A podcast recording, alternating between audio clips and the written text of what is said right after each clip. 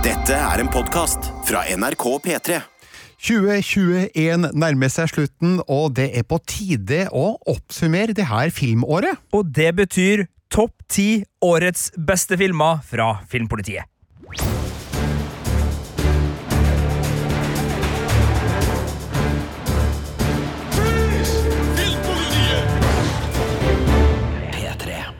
Her i studio, Birger Vestmo, Og Sigurd Vik. og vi skal altså gå igjennom de aller beste filmene som gikk på kino og strømmetjenester i året som snart er over.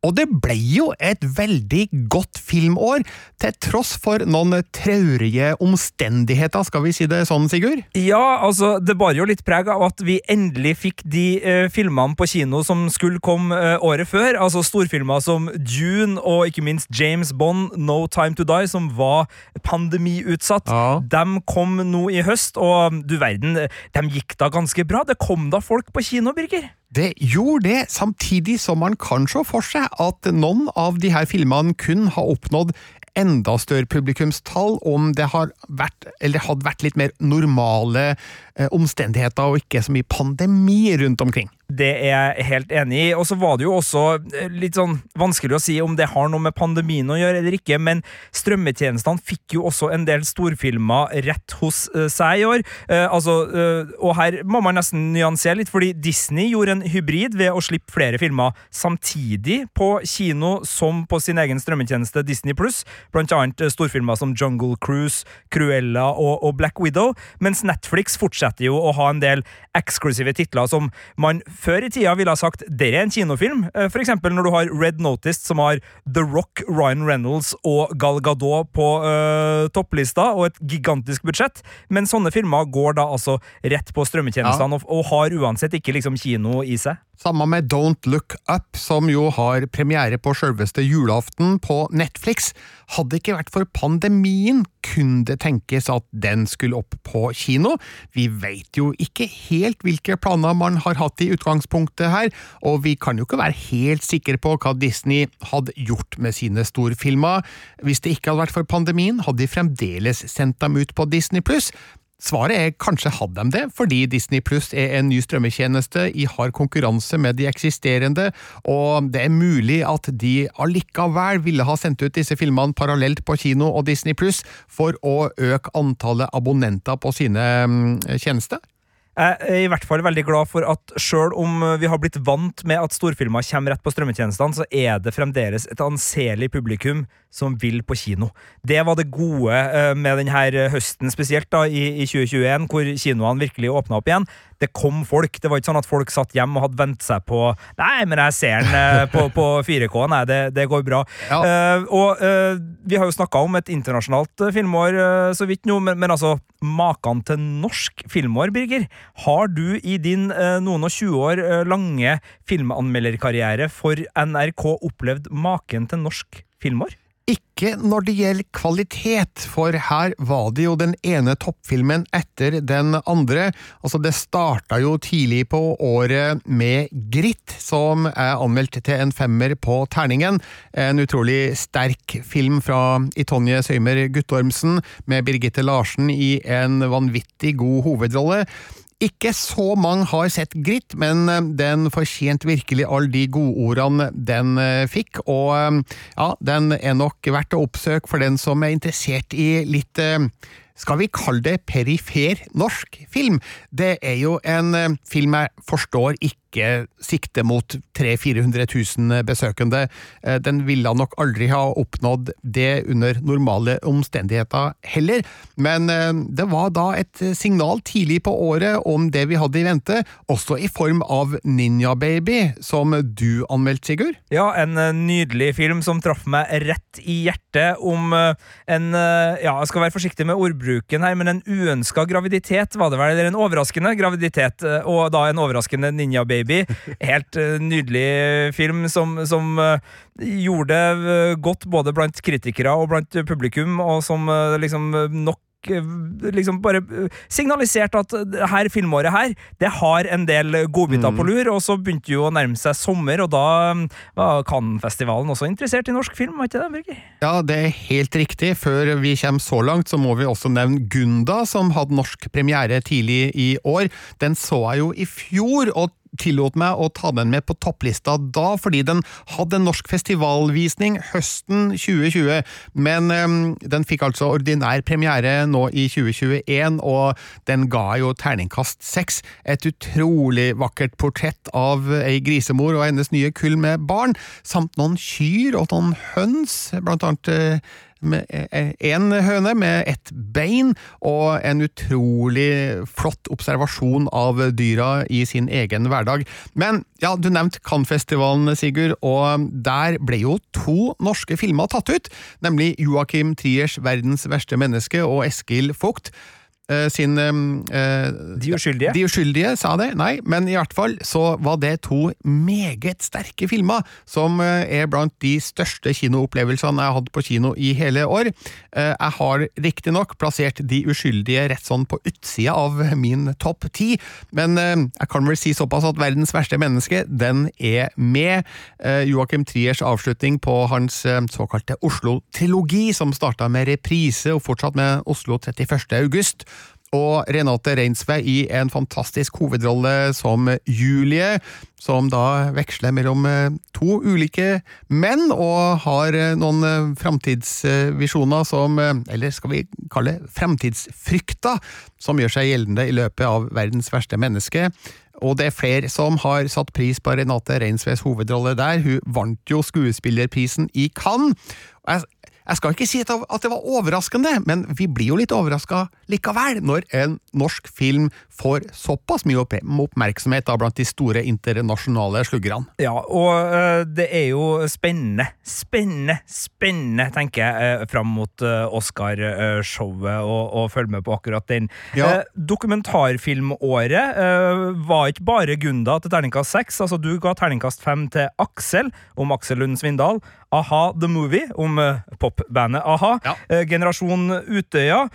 og det har jo også vært noen publikumsvinnere av eh, rang. Altså, Nordsjøen er godt inne på topp ti av årets mest sette kinofilmer i Norge. Eh, I onde dager gikk bra på kino, og har også fått et internasjonalt publikum på Netflix. Altså Tommy Wirkolas film med Aksel Hennie og Nomi Rapaz i hovedrollen. Eh, og så er det jo da en eh, viss julefilm som nå eh, har den kommet seg inn blant de ti mest sette norske filmene i moderne tid, syns jeg så en overskrift over eh, når det gjelder Tre nøtter til Askepott. Ja, det er riktig. Den har passert 500 000 besøkende, og vel så det, og er vel da årets nest mest sette film, bak James Bond No Time To Die. Og um, der tenker jeg at den kunne sikkert ha nærma seg 700 000, 800 000, hvis det ikke hadde vært pandemi og noen er vel kanskje litt skeptiske på å dra på kino, men kinoen har vist seg å være et veldig trygt sted å dra til, så det er det vel ikke så stor grunn til å holde seg unna der, altså. Men øh, den har nok noen uker til på seg, så muligens kan den nærme seg James Bond, jeg vet ikke. Men det å kun passere en halv million besøkende nå, det er, det er knallsterkt, og det fortjener jo filmen også. Et godt fortalt eventyr basert på en historie vi alle kjenner, og som vi jo selvfølgelig da ser i tsjekkoslovakisk form i TV-filmen som går på NRK1 hver julaften. Det er jo sånn at denne podkasten skal handle om ei topp ti-liste. Og ja. vi kan vel være såpass ærlige at uh, vi sier at det er din topp ti-liste, Birger. Jeg ja. og Marte har uh, tatt roret på serielista. Den podkasten kommer neste uh, torsdag. Men den her er din. Og så var det jo én ting, da. Fordi vi tvang jo deg til å ferdigstille denne lista før du hadde sett alle filmene. Det var spesielt én første juledagspremierefilm du ikke hadde fått sett før du måtte ferdigstille lista, så nå er jeg veldig veldig spent. Nå har du sett Matrix 4, Birger. Det hadde du ikke før du satte opp topp 10-en din. Så da er spørsmålet skal Matrix, som har fått terningkast 5 av deg, inn på topp 10 for 2021? Den er Ikke inne på topp ti, men jeg har plassert den så vidt utafor i den store hopen av filmer som nesten nådde opp. Eh, der finner vi altså da mm, Aha the Movie, The Card Counter, De uskyldige, Don't Look Up, Flukt, Generasjon Utøya, The Green Night, Gritt, Lille Mamma, Minari, Ninja Baby, Nomadland, Rettferdighetens ryttere, Titane og Trøffeljegerne fra Piemonte, som har premiere første juledag. Og ja, inni der, sånn alfabetisk, så skulle jeg da ha plassert eh, The Matrix Resurrections, som er en veldig god film, og en av de jeg husker godt fra det her året. Men helt oppe på topp ti eh, Nei, den kom ikke dit. Da kjenner jeg at jeg har litt sånn uh, Og det her er jo bare for min egen del, men jeg ble litt letta da, i og med at jeg da ikke uh, tvingte deg til å utelate en som havna på topp ti, sånn at vi var nødt til å bygge om topp tien. Men det hadde vi sjølsagt gjort, fordi vi i Filmpolitiet vi er strenge, men vi er fair. Ja. Men, Skal vi mm, ja. rett og slett hive oss løs på topp ti, da? Vi må jo det. Ja, På tiendeplass der har jeg plassert en film jeg så ganske tidlig på året, nemlig The Father, med Anthony Hopkins i hovedrollen. Og den rollen vant han jo en Oscar for, som eh, var litt eh, overraskende Jeg skal ikke si kontroversielt, men jeg husker at eh, rundt eh, årets Oscar-utdeling så var det veldig mange som håpa på Chadwick Boseman, eh, som jo da døde dessverre noen måneder i forkant.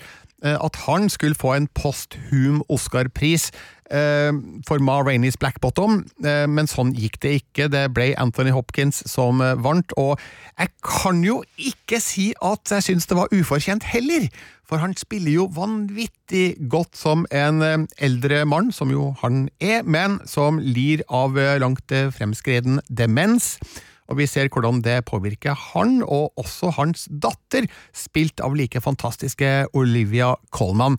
Og det regissør Florian Seller gjør så godt her, er at uh, han forvirrer oss i publikum uh, gjennom måten han forteller historien på, slik at vi føler omtrent at vi er litt sånn demente sjøl.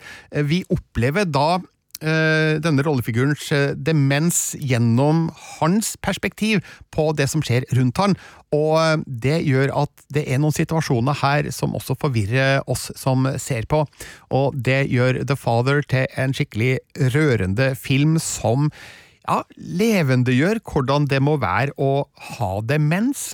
Litt rart å si, kanskje, men eh, i hvert fall så får vi en eh, god forståelse for hvordan det er å være en pårørende eh, til noen som da er dement, og som sklir lenger og lenger vekk fra det.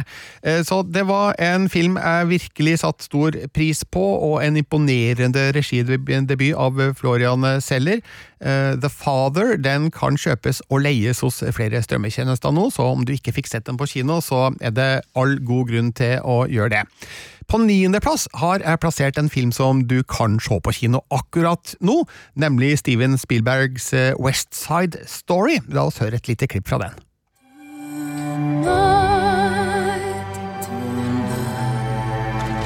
Are you ready? Tonight is about family.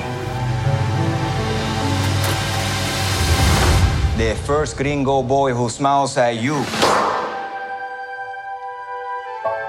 I never seen you before. You're not Puerto Rican. Is that okay? West Side Story er jo en kjent musikal som ble filmatisert i 1961, og den originale originalversjonen er fremdeles en eh, susende god film, så sånn sett så var det kanskje ikke sånn kjempenødvendig å lage en uh, nyinnspilling, men uh, når det er Steven Spielberg som gjør det, så vet man jo nesten at resultatet blir utrolig godt, og det har det blitt. Jeg syns at hans West Side Story spruter av uh, energi og livsglede, samtidig som de mer alvorlige sidene ved historien eh, blir markant eh, trukket frem. Eh, vi er jo da i eh, et eh, miljø her i New York på ja, skal vi si 1950-tallet der to grupperinger står mot hverandre. Det er The Jets på den ene sida, som er da hvit ungdom, eh, mens The Sharks på den andre består av puertorikanske ungdommer. Og eh, de barker sammen når eh, en gutt fra den ene gjengen blir forelska i ei jente fra den andre gjengen, spilt av eh, henholdsvis Ansel Elgort og Rachel Segler, eh, som da Tony og Maria. Og eh, det her er jo en tidløs historie som eh, Steven Spielberg eh, forteller ved hjelp av de egenskapene og ferdighetene han har. Det er så lekkert utført, det filmatiske her, og koreografien den er minst like spenstig som i originalen. Altså, Koreografien i den originale musikalen var jo banebrytende i sin tid, eh, og det kan vel ikke filmens koreografi sies å være, men den er bygga på den originale, og den, den spruter av uttrykksfullhet, og nå, nå er ikke jeg noe ekspert på dans, det er ikke det, men eh, jeg blir revet med, jeg blir engasjert, jeg blir følelsesmessig involvert i disse figurene gjennom eh, dansen og sangen og skuespillet og Steven Spielbergs eh, fortellerteknikk. Og det er noen låter her som du kan fra før, og som du liker godt, er ikke det? Ja da, det er Tonight, Tonight Og så det Maria, I just met a girl named Maria Og jeg tror ikke at jeg skal synge noe mer i denne podkasten, Sigurd, fordi da Det du da- som sang Mamma Mia-anmeldelsen din uh, tilbake i Det- 2008, da, det, Birger? det var et annet liv. Men uh, det er veldig prisverdig og kanskje helt uunngåelig at eh, Spielberg har brukt uh, den kjente musikken da, som ble komponert av eh, Leonard Bernstein, og med tekster skrevet av Steven Sondheim, som jo dessverre døde for noen få måneder siden. og Og Sondheim eh, var jo med under planlegginga av filmen. Han var til og med til stede under innspillinga av eh, litt av musikken her, så han eh, har på en måte satt sitt godkjentstempel, da føler jeg, på West Side Story. Det som er Trist er at filmen går dårlig, både i Norge og i USA, og ja, nå har ikke jeg sjekka resten av verden, men i USA har den jo rett og slett floppa. Den har tjent inn veldig lite penger, og den hadde et budsjett på 100 millioner dollar, og kanskje like mye i reklameutgifter, så her kan Steven Spielberg rett og slett gå på en av sin karrieres største smeller. Og det forstår jeg ikke, fordi filmen er jo veldig god. Er det rett og slett det at musikalsjangeren er litt død? Jeg, altså, øh, jeg, jeg satt her mens du snakka og tenkte på Cats, som kom for to år siden, var det vel, og som heller ikke ble en suksess. Men det, det var vel en del kunstneriske valg som gjorde at den øh, ikke nødvendigvis øh, ble så vellykka som man håpa på. Jeg, jeg tenker jo at det kan være en, en serie uheldige omstendigheter her for øh, Steven Spielberg, mer enn at folk ikke liker musikaler. Eh, først og fremst så kommer den jo i hvert fall i eh, deler av verden litt sånn samtidig med en oppblussing eh, eh, av, av pandemien kan ha, ha spilt noe inn. Skal ikke gå for langt inn og, og teorisere der, men det er klart, eh, sånne ting spiller en rolle, i hvert fall her i, i Norge. Så er det jo en sånn her øhm, følelse av noe som kanskje kan være litt gammelt for et yngre publikum. Altså West Side Story er en veldig sånn der klassiker, veldig sånn øh, Litt uh, sånn uh, foreldre- og besteforeldregenerasjon sin foretrukne musikal, så det kan jo gjøre at et yngre publikum kanskje ikke har øh, storma til øh, for å se den her. Men jeg tror at framover, og ikke minst når den uh, slippes for hjemmemarkedet, så vil nok øh, ting balanserer seg mer for West Side Story. Jeg har vanskelig for å tro at det skal stå igjen som en sånn gigantisk flopp, annet enn potensielt da økonomisk, for det er klart, der er box office veldig viktig. Men akkurat nå ser vi jo en eh, tendens til at eh, filmer som ikke er Marvel-filmer, gjør det dårlig på box office generelt. Vi ser det nå i USA da med Spiderman No Way Home, som dessverre ikke har fått premiere her i Norge enda pga. innstrammingene eh, og begrensa kinokapasitet. Den går jo så det grin i USA, mens andre filmer sliter. Og vel, nå får vi håpe at det her er et eh, passerende stadium som eh, vi er over etter pandemien, og at vi kan komme tilbake til en litt mer normal kinogjenge da. Ja, altså, eh, Apropos Spiderman, så hadde jo Andrew Garfield også en rolle i en eh, feiende flott musikal nå for noen, eh, ja, bare uker siden, i Tick Tick Boom. Den gikk jo rett på strømming, ja. så det kan jo hende at det er strømmemarkedet som skal berge Spielberg Ja. denne gangen, selv om det, det er litt trist å, å, å tenke de tankene, og du har nok helt rett i at det er en viss type film som prioriteres i det kjøpesterke publikummet nå om dagen. Kan også nevne at Linn Manuel Mirandas In The Heights gikk på kino tidligere i år, og den har heller ikke gått kjempebra eh, på verdensbasis, så det er et litt sånn tvilsomt år for musikalen, rett og slett. Men uh, da er beskjeden fra Filmpolitiet og deg, Birger, at uh, her er det egentlig bare å komme seg på kino likevel, eller eventuelt Ja, eh, få med seg på hjemmefronten, for ja, det her nei. er Ja, gå på kino! Se West Side Story på kino, det er der den hører hjem. Den er så stor og brei og nydelig filma at du må se den i en stor kinosal, og jeg lover deg at hvis du går og ser West Side Story, du kommer ikke til å gå misfornøyd ut. Det gjelder òg filmen jeg har plassert på åttendeplass, som i denne stund, når det her spilles inn 22 desember 2021, ennå ikke har hatt eh, premiere, fordi Sovekupé nummer seks er en av romjulsfilmene med premiere første juledag.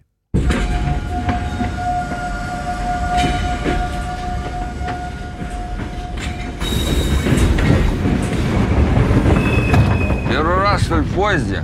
Нет. Ну как будет э, по-фински? Я тебя люблю. Haista vittu. Хайста Витту.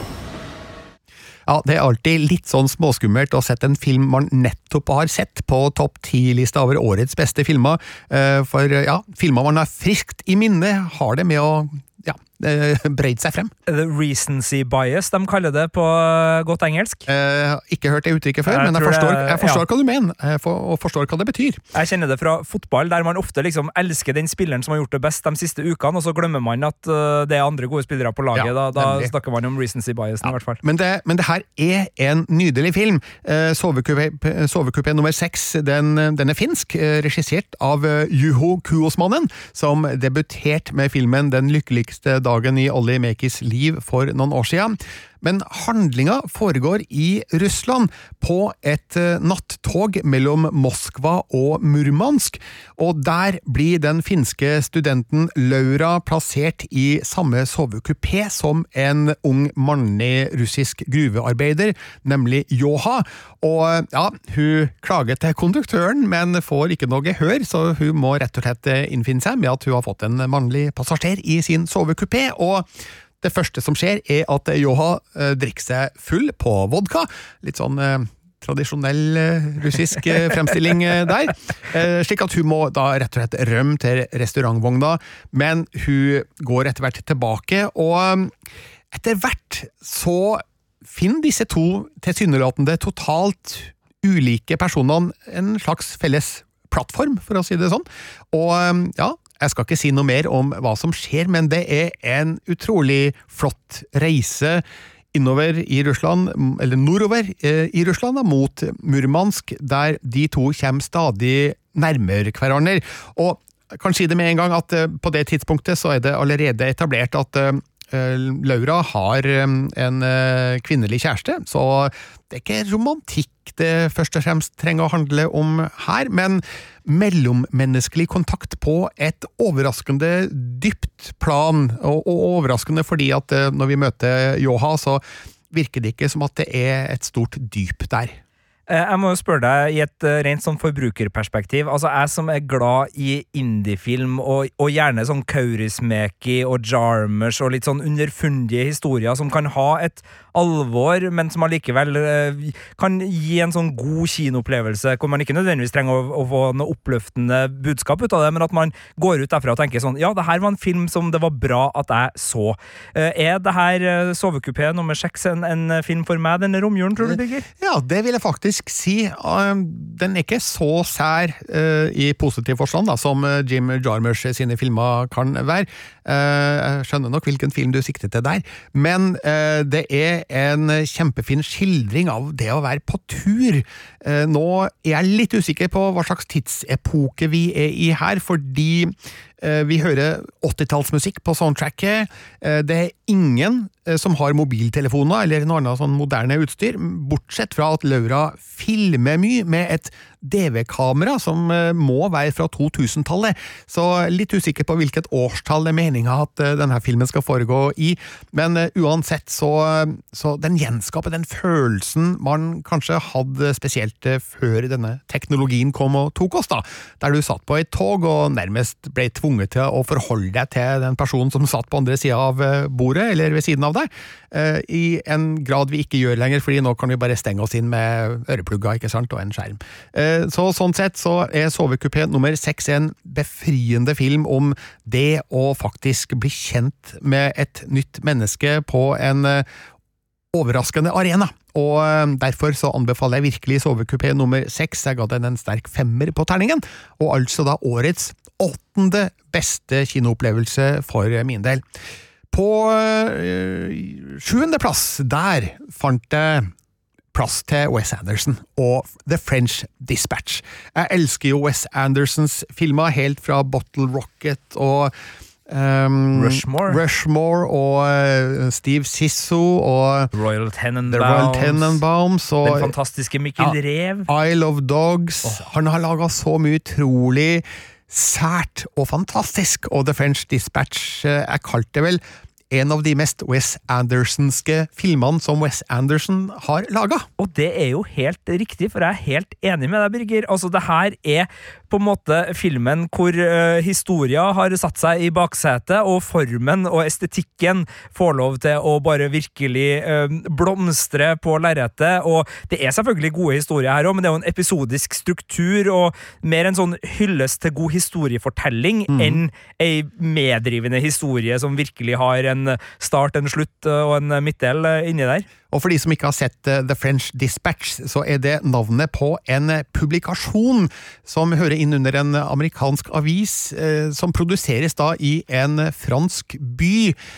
Og tidsepoken her, eh, 1950-60-tallet, litt sånn Ja, flytende. Litt flytende. Det er litt studentopprør, det er litt sånn begynnende kunsttendenser innenfor enkelte epoker. Mm. Det er øh, ja, en, en slags sånn ja, vil altså det, det var litt bredt 60-tall, tror jeg er det, det mest beskrivende. Det er jo ikke en film som trenger å tidfestes til noe spesielt år, fordi her er Wes Anderson inspirert av flere ting som eh, foregikk spesielt på det europeiske plan da, på 1950- og 60-tallet, og han hyller jo da den typen journalistikk som ble bedrevet på den tida, der eh, en, eh, en journalist gjerne kunne jobbe med en sak i ukevis og månedsvis, eh, og da kom med et nytt perspektiv på noe ukjent som eh, en leser kunne la seg berike av. Og jeg har jo lest at Wes Anderson er veldig glad i å lese slike magasiner sjøl. Han er inspirert annet av The New Yorker, har jeg lest. Eh, Så The French Dispatch er liksom hans kjærlighetsbrev da til en type journalister som, er, som kanskje ikke fins lenger, fordi nå er de fleste opptatt med deadline-jag og, og klikkhoreri, for å sette det veldig på spissen, da. Eh, eh, Vi ramsa jo opp eh, Wes Anderson-filmer her, og i god Wes Anderson-film så er jo listelaging kult. Kan du gi meg ei lita skuespillerliste av noen av de stjernene som er med her, Birger? For det er jo ganske kjente navn. Det er helt riktig, og vi kan jo starte med Benicio del Toro, som spiller Moses Rosenthaler i filmen. Adrian Brody er med. Lea Seydoux har en, eh, en, en veldig hva skal jeg si, naken rolle. Eh, Tilda Swinton er med, Frances McDormand, Timothy Chalamet, eh, Jeffrey Wright, Owen Wilson, Bill Murray, selvfølgelig. Han spiller redaktøren for The French Dispatch. Eh, Bob Balaban og Henry Winkler er jo to gode, gamle, durkdrevne veteraner. Tony Revolori, som var med i The, Great, nei, The Grand Budapest Hotel, spiller en rolle her. Så det er en film full av eh, kjente navn, og nå glemte jeg å si um, um, min kjære venninne Elisabeth Moss. Elisabeth okay. Moss, ja. Takk, takk skal du ha. Uh, så der har du bare et sånt smørgåsbord av skuespillere som uh, har jobba sammen med, med Mr. Anderson før, mange av de, og jeg skjønner jo at han tiltrekker seg disse folka, fordi eh, han er en av de skuespillerne, unnskyld, han er en av de regissørene som skuespillere veldig gjerne vil jobbe med, for eh, ja, det gir en, eh, en viss eh, en, en, en, en viss rang å, Ja. å ha Wes Anderson på CV-lista si. han, han, jeg skal ikke liksom dra paralleller til, til liksom uh, uh, The Factory og Andy Warhol, og sånt, men han er en sånn filmskaper som har et miljø rundt seg og en, og en aura rundt seg som, som jeg tror definitivt tiltrekker seg folk. Og så er det jo det da, at hvis du først blir fanga av kamera i en Wes Anderson-film, så har jo liksom Instagram-kontoen din så mye å ta av framover, for da er du jo i et nydelig kostyme, i et utrolig estetisk forseggjort univers, så det kan jo være det òg. Er kalt The French Dispatch eh, et festlig fyrverkeri av en film i, i anmeldelsen min. Eh, jeg skrev at eh, filmen lar Wes Anderson velte seg i troper og klisjeer som han sjøl har skapt, for det er ikke noe tvil om at eh, du kjenner igjen den filmatiske streken, hvis det går an å si det, da, fra tidligere Wes Anderson-filmer. Men eh, han har en, en så spesiell fremtoning og en så spesiell filmatisk røst at eh, jeg ser ikke noe, noe feil i at han gjentar seg sjøl når det er så bra som det her. Nei, og, og apropos gjenta seg sjøl. Vi eh, to, Birger, sammen med kollega Marte Hedenstad, spilte jo inn en podkast da denne filmen hadde kinopremiere tidligere i høst, hvor vi snakka godt og lenge om den. Så hvis du har lyst til å høre enda flere gode grunner til å se eh, Wes Andersons The French Dispatch, så gå gjerne tilbake i arkivet og, og finn den uh, podkasten der. Mm. eller bare ta Birger på ordet og uh, se den. Og hvis man ikke har sett The French Dispatch på kino, så er den tilgjengelig for kjøp hos flere strømmetjenester. Og jeg ser at eh, Blockbuster også har den for leie. Og nå vet jeg ikke om den lista er komplett, men i hvert fall den er tilgjengelig hvis du har kjempelyst til å se The French Dispatch. Vi er på sjetteplassen over årets beste filmer, og der har jeg plassert Sound of Metal, regissert av debutanten Darius Marder, men eh, Hovedrollen spilles av meritterte Riz Ahmed, en britisk skuespiller som jeg har fått stadig mer sans for, og som ble Oscar-nominert for denne rollen, og eh, jeg ble nesten lei meg da han ikke vant, men ok, Anthony Hopkins han var heller ingen ufortjent vinner, men eh, dæven, for en sterk eh, film det her er.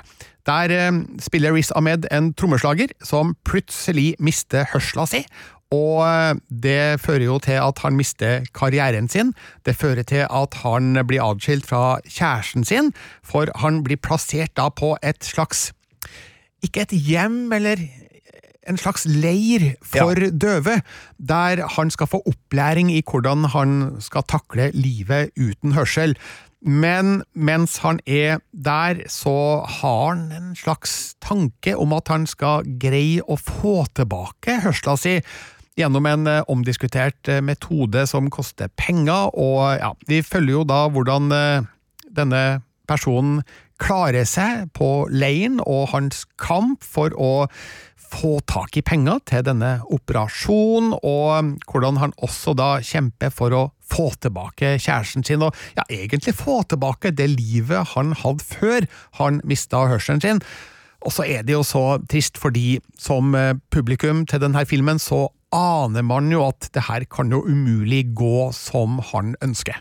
Det er en veldig sterk film, og jeg tror det som slo meg først da jeg så den filmen her, er at den klarer på en uh, forbilledlig måte å sette publikum inn i den tankerekka Hva om jeg får en stor livsendrende hendelse som gjør at jeg er nødt til å endre hele livet mitt. Altså, det, I den filmen her så handler det jo om tap av hørsel, men, men den sånn erkjennelsesprosessen med at du kanskje må inn i helsevesenet på en mye mer omfattende måte enn du har levd livet ditt uh, fram til nå, og det kan jo skje på så mange vis. Jeg syns filmen klarer liksom å menneskeliggjøre den den erkjennelsesprosessen som Riz Ahmed da så fint spiller seg gjennom, hvor det liksom er en slags sånn der fornektelse og en sånn her Ja, ok, kanskje jeg må gjøre det, men så skal jeg bli bra. Og den der forhandlinga med sitt eget øh, liksom sine egne framtidsdrømmer og, og hvordan man har det, syns jeg løses veldig fint.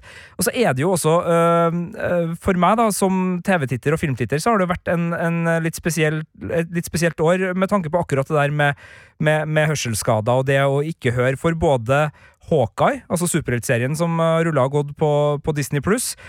Only Murders in the Building, som er en uh, krimkomedie med Steve Martin, som også går på Disney pluss. Koda er vel en film du har sett og anmeldt, uh, Birger. Ja. Og uh, Sound of Metal har på ulikt vis handla om eh, det å eh, enten miste hørselen eller å, å leve uten hørsel, og, og hvordan det funker. Og med flere eh, engasjerende perspektiv som både øker forståelse og tar oss med inn i den verden. Spesielt Only Murders in the Building har en hel episode uh, sett og hørt gjennom det perspektivet, som jeg syns de løser veldig veldig godt. Så det, det har virkelig vært et år hvor uh, den type problemstilling, for min del i hvert fall, har åpna noen dører og, og, og uh, tatt meg inn i, i det på, på, det jeg i hvert fall opplever som veldig bra vis. Og det Sound of Metal gjør veldig godt der, det er hvordan lyden brukes, eller fraværet av lyd.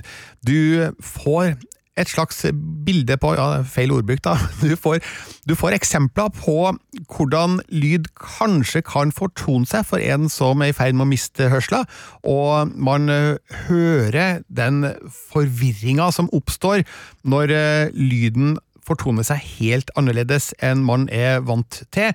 Og ja, eh, som jeg skrev i anmeldelsen min, Sound of Metal er en rørende og engasjerende film der den største dramatikken foregår i stillhet, og den har noen scener der du virkelig får en erkjennelse av hva lyd egentlig betyr, i hvert fall når den er borte.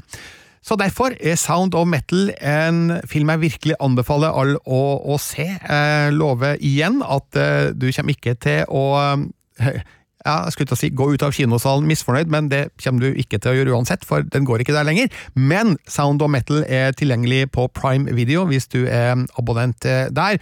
En hjerteskjærende god film om hørselstap. Da går vi rett og slett opp til femteplassen, og en annen film eh, som du virkelig må se på kino, sjøl om den også er tilgjengelig på strømming nå, nemlig Dune. A boy. Duncan, can I trust you with something? Yes, always. You know that. I've been having dreams about a girl on Arrakis. I don't know what it means. Dreams make good stories. But everything important happens when we're awake. Hey, you. Put on some muscle? I did? No. Dune var jo en av de største storfilmene vi gleda oss til før 2021, og må jo si jeg var litt skeptisk på om den virkelig skulle få premiere i år, siden flere andre storfilmer ble utsatt eh, til neste år, eksempel Top Gun Maverick og Mission Impossible nummer sju.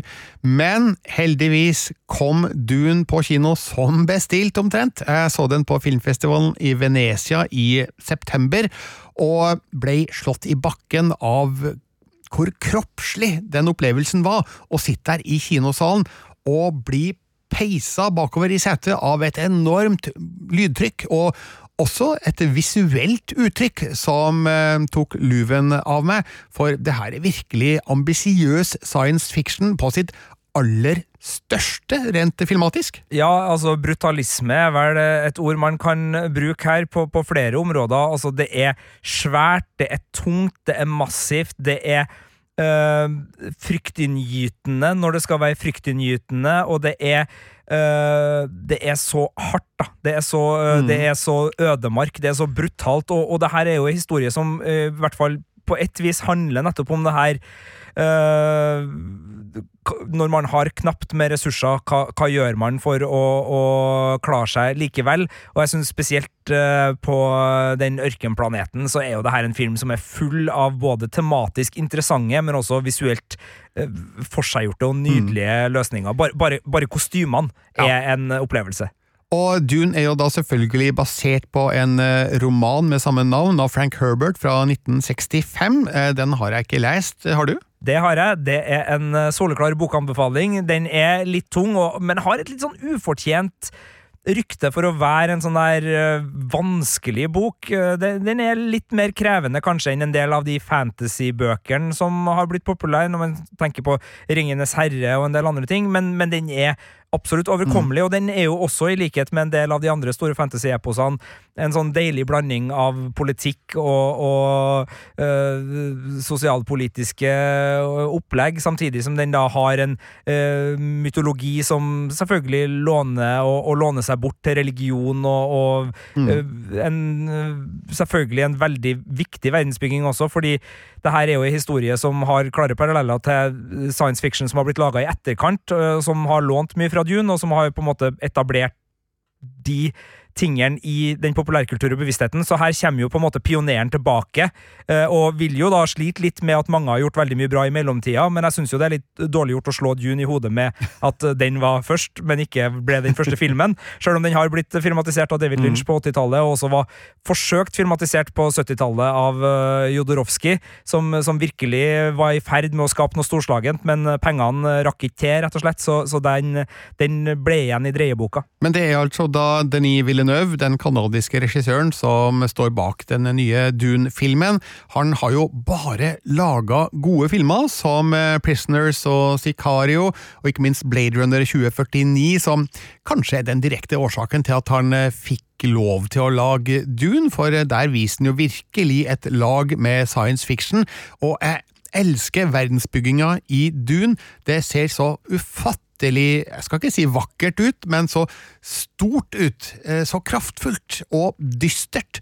Og ja, du sa brutalistisk, og jeg lurer på hvilke designforbilder de har hatt her, men det, Sith, tror jeg. Eh, Det er Sith Lord som har vært eh, designet, som har hatt designet. men et helt spesielt eh, uttrykk, og eh, lydbruken i filmen her, den er helt vanvittig. Jeg har hørt en hel podkast med de to lyddesignerne til Dune, og hør deres tanker om eh, eh, Altså tankene bak eh, lydbruken i Dune. Det var utrolig interessant å, å høre. Så eh, eh, dokumentaren eh, heter Filmumentaries, så søk etter det. Og se også gjerne dokumentaren Jodorowskis Dune, hvor den danske filmskaperen som du skal hjelpe meg med navnet på nå, Birger, som har laga annet Drive og Nicolas Winding Refn. Eh, Ja. eh, Han er fortellerstemme i en dokumentar som tar for seg alt det som nesten ble da Jodorowsky skulle lage Dune. Her er stikkord eh, Mick Jagger, eh, Pink Floyd, Salvador Dali eh, og ei eh, bøtte med penger som eh, eh, ja, eh, bare aldri ble stor nok. Eh, Jeg ga terningkast fem til Dune. Altså, det var like før jeg kara meg opp på sekseren, og så turte jeg ikke helt, for jeg hadde litt vansker med å synes at slutten var veldig god, Eh, for det er jo bare halvparten av boka Dune som er filmatisert eh, nå. Eh, Del to er heldigvis eh, nå blitt annonsert og skal lages, men eh, Dune nummer én den, den slutter liksom ikke med et stort crescendo. Den, den bare renner ut i sanda, nesten bokstavelig talt, og ja, det er kanskje feil å kritisere filmen for det, i og med at den alltid var planlagt som del én av en todelt eh, filmfortelling, men eh, jeg fikk liksom ikke helt hakaslepp av måten filmens utgang eh, kom, da. Nei, det der er jo vrient. Vi snakka jo nydelig, jeg og du, om uh, Ringenes herre, The Fellowship of the Ring, sammen med Marte Hedenstad, vår kollega, i forbindelse med at den fyller 20 år nå.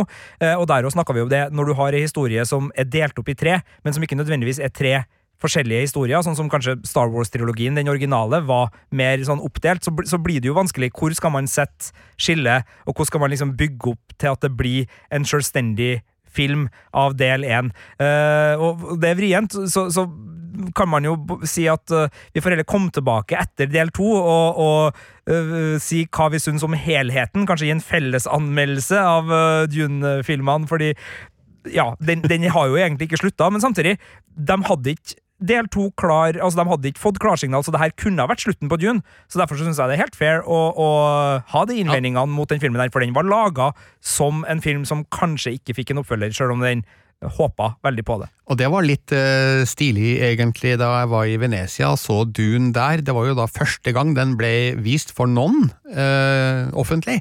Uh, og da vi gikk inn i salen, så, så visste vi bare at filmen het Dune. Og vi ante ikke hvor mye av boka som var filma, men da filmen starta, så sto det Dune Part One, og da gikk det et gisp gjennom salen, fordi det hadde de greid å holde helt fullstendig hemmelig fram til den aller, aller første visninga. Så der får vi bare avvente og se hva Dune part 2 vil gi oss om eh, noen års tid. Eh, Den første Dune den eh, kan du streame på HBO Max hvis du er abonnent der, eller så kan du kjøpe og leie den hos flere andre strømmetjenester. Best Den er vel også ute på 4K nå, vet den det? Den er ute på 4K, den har kommet ut i Blu-ray og vanlig Blu-ray, så um, hvis du virkelig skal ha den ypperste kvaliteten, og det skal du jo, så um, må du gå til innkjøp av en fysisk utgave av Dune, som altså er plassert på femteplass over årets beste filmer. Og alle filmene vi har snakka om nå, uh, de har fått terningkast fem, men de siste fire de har fått terningkast seks. Og på fjerdeplass, der har jeg plassert Zack Snyders Justice League. Og da er det kanskje en del som tenker Hæ, kom ikke den i 2017? Ga ikke du den terningkast tre da den kom i 2017? Ja, nemlig. Eh, Og det er jo for så vidt en kime av sannhet i det her. Men eh, ja, det her har vi forklart før, men vi kan godt ta det igjen.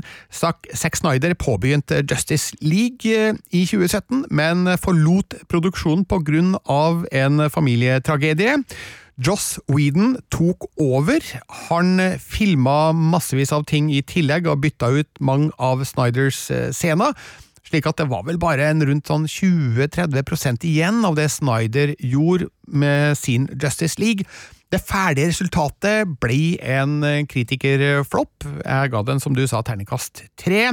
Og så har det vært et trøkk i noen år nå, der Zack Snyder eh, sine fans har på en måte krevd å få The Snyder Cut. Og så har da rett og slett Zack Snyder fått lov av Warner Bros. til å bruke ja, var det 70 millioner eh, dollar eh, i tillegg til de 300 som den kosta fra før. Nå husker ikke om det rakkeren. Ja. nå husker ikke om det er dollar, dollar eller krone jeg snakker om, da. Eh, disse tallene må man ta med en liten klype salt, men han fikk i hvert fall en god slump penger til å fullføre sin egen versjon eh, av den filmen han påbegynte, påbegynt, og den knuser Joss Whedons versjon ned i støvlene. Alle figurene får mer armslag, eh, ja, bokstavelig talt òg, men også eh, når det gjelder eh, skildringa av eh, deres indre følelsesliv, for å si det sånn. Eh, Det blir et rollegalleri, rett og slett. Det blir hvor det et, nesten ikke var det i, i forrige film. Ja, for eksempel eh, figuren Cyborg, spilt av Ray Fisher, han var nærmest usynlig i Joss Whedons eh, versjon, mens i Zack Snyders Justice League så har han plutselig blitt eh, en av de viktigste, og Snyder har vel sjøl sagt at eh, Cyborg er denne filmens hjerte. Eh, filmen er forbedra på alle måter, den ser mye bedre ut, den er presentert i et eh, 4-3-format som er kanskje uvant, men som kler filmen veldig godt. Ja, og der er du jo inne på en litt sånn snedig sak, fordi eh, så seint som eh, på denne tida i fjor, så trodde jeg og mange med meg at det her skulle bli en TV-serie og ikke en film. Altså at uh, The Snyder Cut skulle presenteres i serieform eh, av HBO og, Warner. Eh, men eh, den eh, ble da en firetimers film i, stedet for. Det var fire timer den klokka inn på, var ikke det? Ja, den, den er fire timer lang. Ja, og, men beholdt da et TV Altså i moderne tid, i hvert fall TV-assosiert format i 4-3-formatet. Det har også vært et filmformat, og, det er mange filmer som har blitt presentert i det opp igjennom, men det, har foret, det har jo vært TV-formatet i, i mange år, og kom da i det. og ja, det, det funker jo greit, selv om man er liksom vant til at superheltaction er presentert i bredde og ikke i høyde. I Cinemascope, ja. Ja, riktig. Jeg, jeg lurer på om litt av årsaken bak eh, er at uh, Justice League ble opprinnelig filma for uh, Imax-formatet, som uh, er tilsvarende 4-3, og at det er derfor man gikk for det formatet, da, samtidig som at det var vel kanskje viktig for Zack Snyder å um, distansere seg fra Joss Whedon eh, sin film, og da var valget av format eh, en del av det. Ja, jeg tror du har helt rett i det. Og så vil jeg bare skyte inn eh, når du sa distanse og Imax. Jeg vil bare si til alle som skal på en Imax-kino og se en storfilm, husk å ikke sitte så langt for, for der er det også noe med, med brillene dere skal bruke, øh, sånn at dere får hele bildet øh, og ikke mister litt av bildet. Så sitt gjerne sånn litt nærmere midten, kanskje, eller lenger bak enn du vanligvis ville ha satt deg i en kinosal, så du ikke gjør sånn som meg, som da jeg og du, Birger, var på Husker ikke om det var Vi var og så Ready Player One på Imax, eller om det var eh, den fabeldyr og hvor de er å finne, men en av de var vi også, og da satt vi akkurat så langt fram at eh, brillekanten min eh, sleit litt med at eh, ting under og over eh, ikke var helt innenfor synsfeltet mitt. Det var Ready Player One. Det, Det var det, ja, ja. Mens du sa det, så fant jeg frem tallene, og det var dollar det var snakk om. Altså, den kosta 300 millioner dollar, og så på toppen av det så kom da 70 millioner dollar, slik at Zack Snyder skulle få laga ferdig sin egen versjon. Og i anmeldelsen min så skriver jeg at Snyder eh, aldri har vært kjent som en spesielt subtil filmskaper. Eh, Men eh, det her er definitivt hans mest overdådige og bombastiske overflødighetsekstravaganse til nå, og det er sånt som jeg liker. Ja, og, og, og vi, vi vet at det er ikke alle sammen som elsker Zack Snyder, men, men dem som gjør det, har virkelig fått øh, dosen sin her. Og øh, et par av de andre filmene Zack Snyder er, er kjent for, øh, Birger, hvis du kan ta oss med litt sånn i settinga her, sånn for dem som ikke kjenner han som filmskaper. Eh, Batman versus eh, Supermann, Dawn of the Dead eh, Det er bare et par, i hvert fall. 300, ja. Eh, Så- så veldig bra å få med den også. Ja, det er jo en ganske sånn tydelig visuell filmskaper vi har med å gjøre her. Det er korrekt. Zack Snyders Justice League kan altså da strømmes på HBO Max, hvis du er abonnent, selvfølgelig. Og så kan du kjøpe og leie den digitalt flere steder, og så er den også tilgjengelig på 4K, UHD Blu-ray og vanlig Blu-ray. Da skal vi opp på tredjeplassen over årets beste filmer, ifølge meg, og en del vil kanskje bli overraska over hva som ligger der, nemlig en film som gikk rett på Netflix tidlig på året. Familien Mitchell mot maskinene. Every family has its challenges. We haven't had a good family picture in years because you two are always arguing. For my family, our greatest challenge. Probably the robot apocalypse.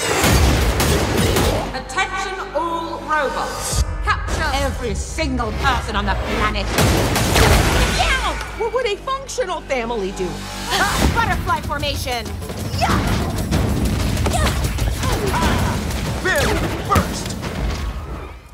Familien Mitchell mot maskinene er en eh, film fra Sony Pictures Animation, og jeg kan egentlig ikke fatte og begripe hvorfor ikke flere snakker om denne filmen, for det er en av de morsomste og mest underholdende filmene jeg har sett i hele år, og i anmeldelsen min så drar jeg paralleller til det beste fra Pixar, og jeg tenker det at hvis det var Pixar som sto bak denne filmen, så hadde den vært mye mer populær og hatt mye høyere anseelse enn den har. Det er jeg helt enig med deg i. Det er en uh, av de mest sånn uh, Hva vi si e- Emosjonelt tilknytta animasjonskomediene jeg har sett på lang, lang tid. Fordi den uh, mister ingenting av det fartsfylte, det artige. Det, det, det er fullt av popkulturelle referanser, det er fullt av humør, det er fullt av fjas.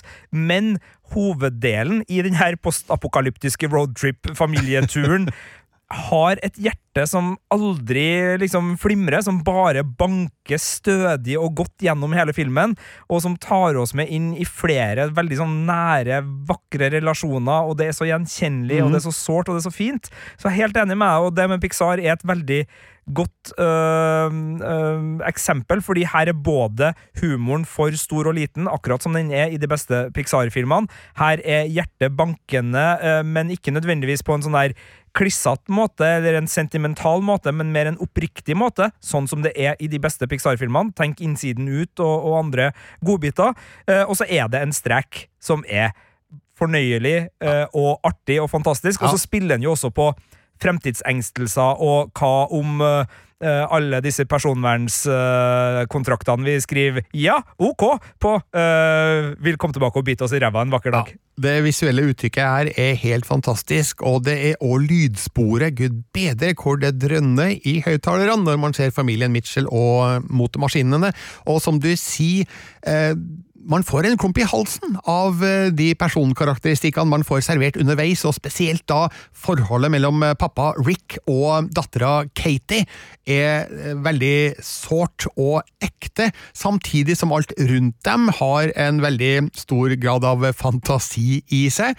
Og eh, nå skal det vel sies at jeg innrømmer gjerne det, Sigurd, at jeg kan av og til være litt blasert.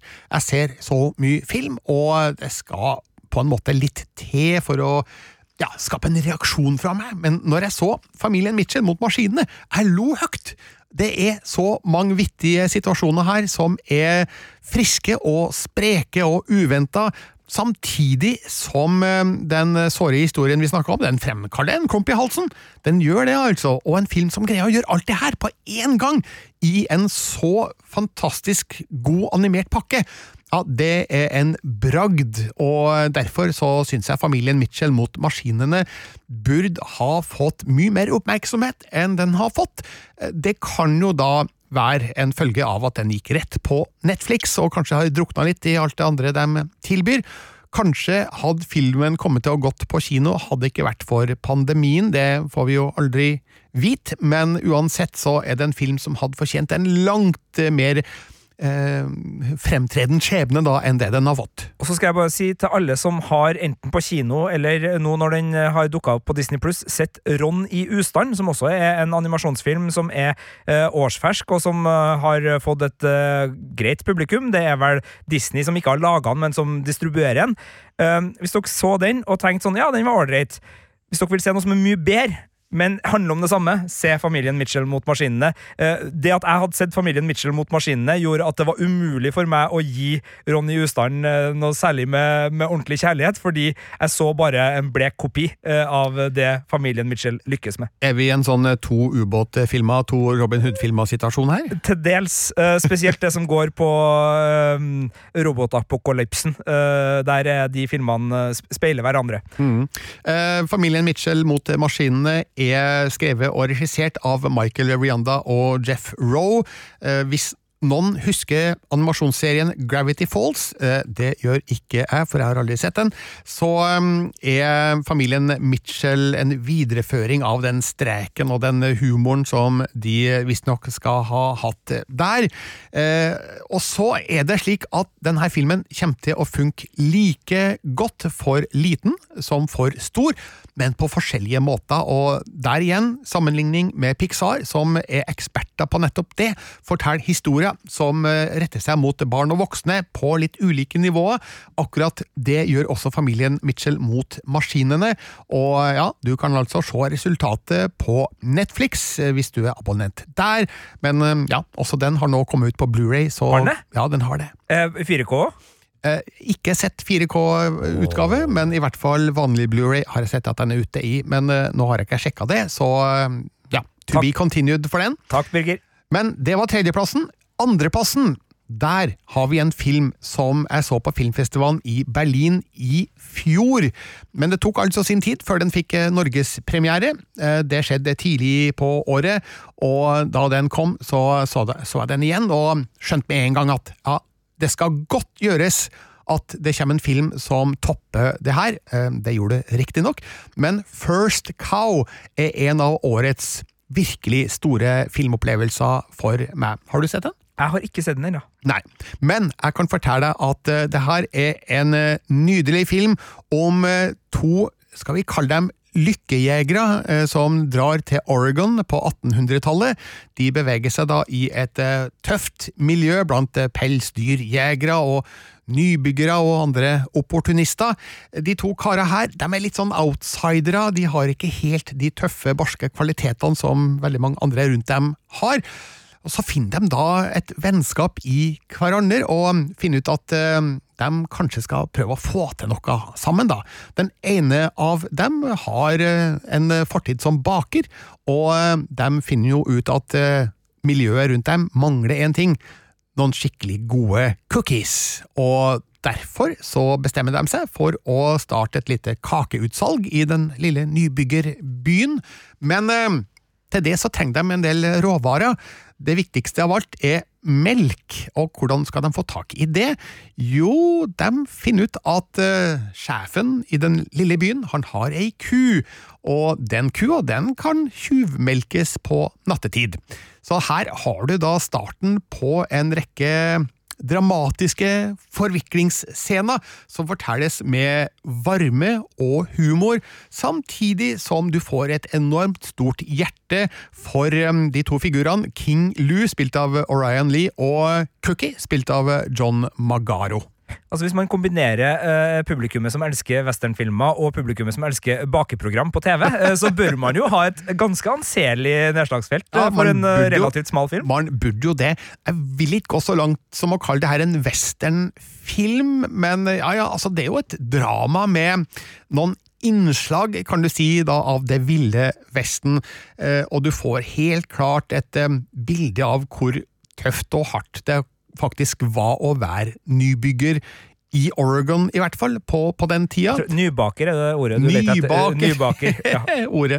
Eh, Men eh, det er en film med noen eh, strålende refleksjoner over hva det betyr å ha et vennskap i, eh, eller under omstendigheter der du står litt alene og forlatt og ikke har et eh, sikkerhetsnett. Og eh, de to skuespillerne, Orion Lee og John Magaro, de er virkelig, virkelig gode. Jeg ble så snurt da First Cow ikke ble nominert til en eneste Oscar-pris, for jeg hadde jo sett for meg at det her var en selvfølgelig kandidat i flere kategorier. Regissør Kelly Reichardt fikk ingen nominasjon, heller ikke for sitt eh, manus, som hun skrev sammen med eh, Jonathan eh, Raymond. Og jeg syns også at de to skuespillerne de burde virkelig ha fått en nominasjon hver, eller sammen, eller ja, jeg vet ikke helt hvordan det skulle funke. Men First Cow den, den, eh, den har sitt publikum, den ble bare oversett av det store publikummet, men eh, det var en av årets aller beste kinoopplevelser for min del, og eh, den kan du strømme på Mubi, og så kan du kjøpe og leie den hos flere strømmetjenester.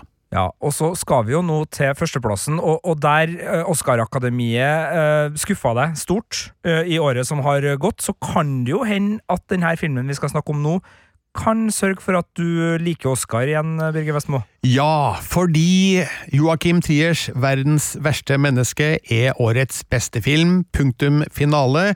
Jeg så den eh, rett før filmfestivalen i Cannes, som jo da gikk av stabelen i eh, juli i år. Jeg kunne ikke dra dit fordi jeg rakk ikke å bli fullvaksinert, eh, men jeg fikk lov til å se filmen rett før festivalen, og anmelde den da den hadde premiere i Cannes. Og det er en fantastisk avslutning på Joakim Triers Oslo-trilogi, som starta med reprise i 2006 og fortsatt med Oslo 31. august i 2011. Og nei, jeg er ikke overraska over at det nå har havna på kortlista til Oscar-akademiet, altså i eh, da kategorien Best International eh, Picture. Og jeg er ganske sikker på at den også blir nominert, spesielt siden eh, vinneren av årets Cannes-festival, den franske filmen Titan, ikke havna på kortlista, og ja, da øker vel sjansen for at verdens verste menneske faktisk blir nominert. og den fortjener det, fordi det her er en utrolig varm og vittig og voksen film om eh, jeg, jeg sa vel det i, i anmeldelsen min, tror jeg, at at den handler jo om noe så banalt som livet, døden og kjærligheten, men den gjør det på en eh, fantastisk måte som er gjenkjennbar, samtidig som man blir forelska i hovedfiguren Julie, spilt av Renate Reinsve, som eh, jo fikk en skuespillerpris i Cannes. Også det litt overraskende, fordi at man ikke vant til at norske filmer blir prissatt i, i Cannes, men var ikke noe mindre fortjent av den grunn. Og så har hun to fantastiske motspillere i Anders Danielsen Lie og Herbert eh, Nordrum, eh, som gjør at eh, det virkelig svinger i det her trekantkløveret, og i det her trekantdramaet, som det på en måte blir. Eh, du har vel selvfølgelig også sett Verdens verste menneske, Sigurd? Det er jo nå, da, Birger, at uh, det blir øh, pinlig stillhet. Ja, akkurat! For øhm, jeg har jo enda ikke sett den. Uh, jeg vil jo gjerne komme med en kjapp forsvarstale, og det er jo det at eh, jeg hadde ikke muligheten til å feire på den pressevisninga som eh, du eh, så den på, og eh, travle dager, eh, så, så videre og så videre. Og så er det eh, Og det oppdaga jeg, det var litt sånn eh, vemod i det for min del, men eh, alle mine venner som jeg hadde håpa liksom, at jeg skulle se den her sammen, jeg hadde bare antatt at eh, ja, men Sigurd har sikkert sett den. Han jobber jo med, som filmanmelder og sånn, så han uh, trenger ikke vi å spørre. Så jeg, jeg fikk tilbake den gode, gamle barndomsfølelsen av Ja, men spurte ikke dere meg, da? Uh, så nei, jeg har ikke kommet meg og sett den enda, men den er selvfølgelig uh, Er det 8. januar eller noe sånt den kommer på, på hjemmefronten? Nå ser du så stygt på meg. Ja, selvfølgelig skal jeg se den på kino, Birger! Selvfølgelig skal jeg se den på Ja, kino! du skal det. Men 17. januar da kommer den på Blu-ray og DVD, og jeg tror at den får også strømmepremiere på den datoen. Men eh, det er absolutt en film som skal ses på kino. Nå mener jeg jo at enhver film skal ses på kino i utgangspunktet, Eh, men det er en fantastisk eh, flott eh, film med et formspråk som nærmer seg noe dikterisk, på en måte, og den har referanser til noen av 1960-tallets eh, franske nybølgefilmer. Den har blant annet en, en fortellerstemme som da kommentere underveis hva figurene tenker og hva de gjør. Og så er jo Oslo et utrolig nydelig bakteppe for handlinga, eh, der man vil kjenne igjen både gata og bygninger og trikker og, og parker, og man får også et, eh, et blikk på menneskene som befolker denne herlige hovedstaden eh, vår.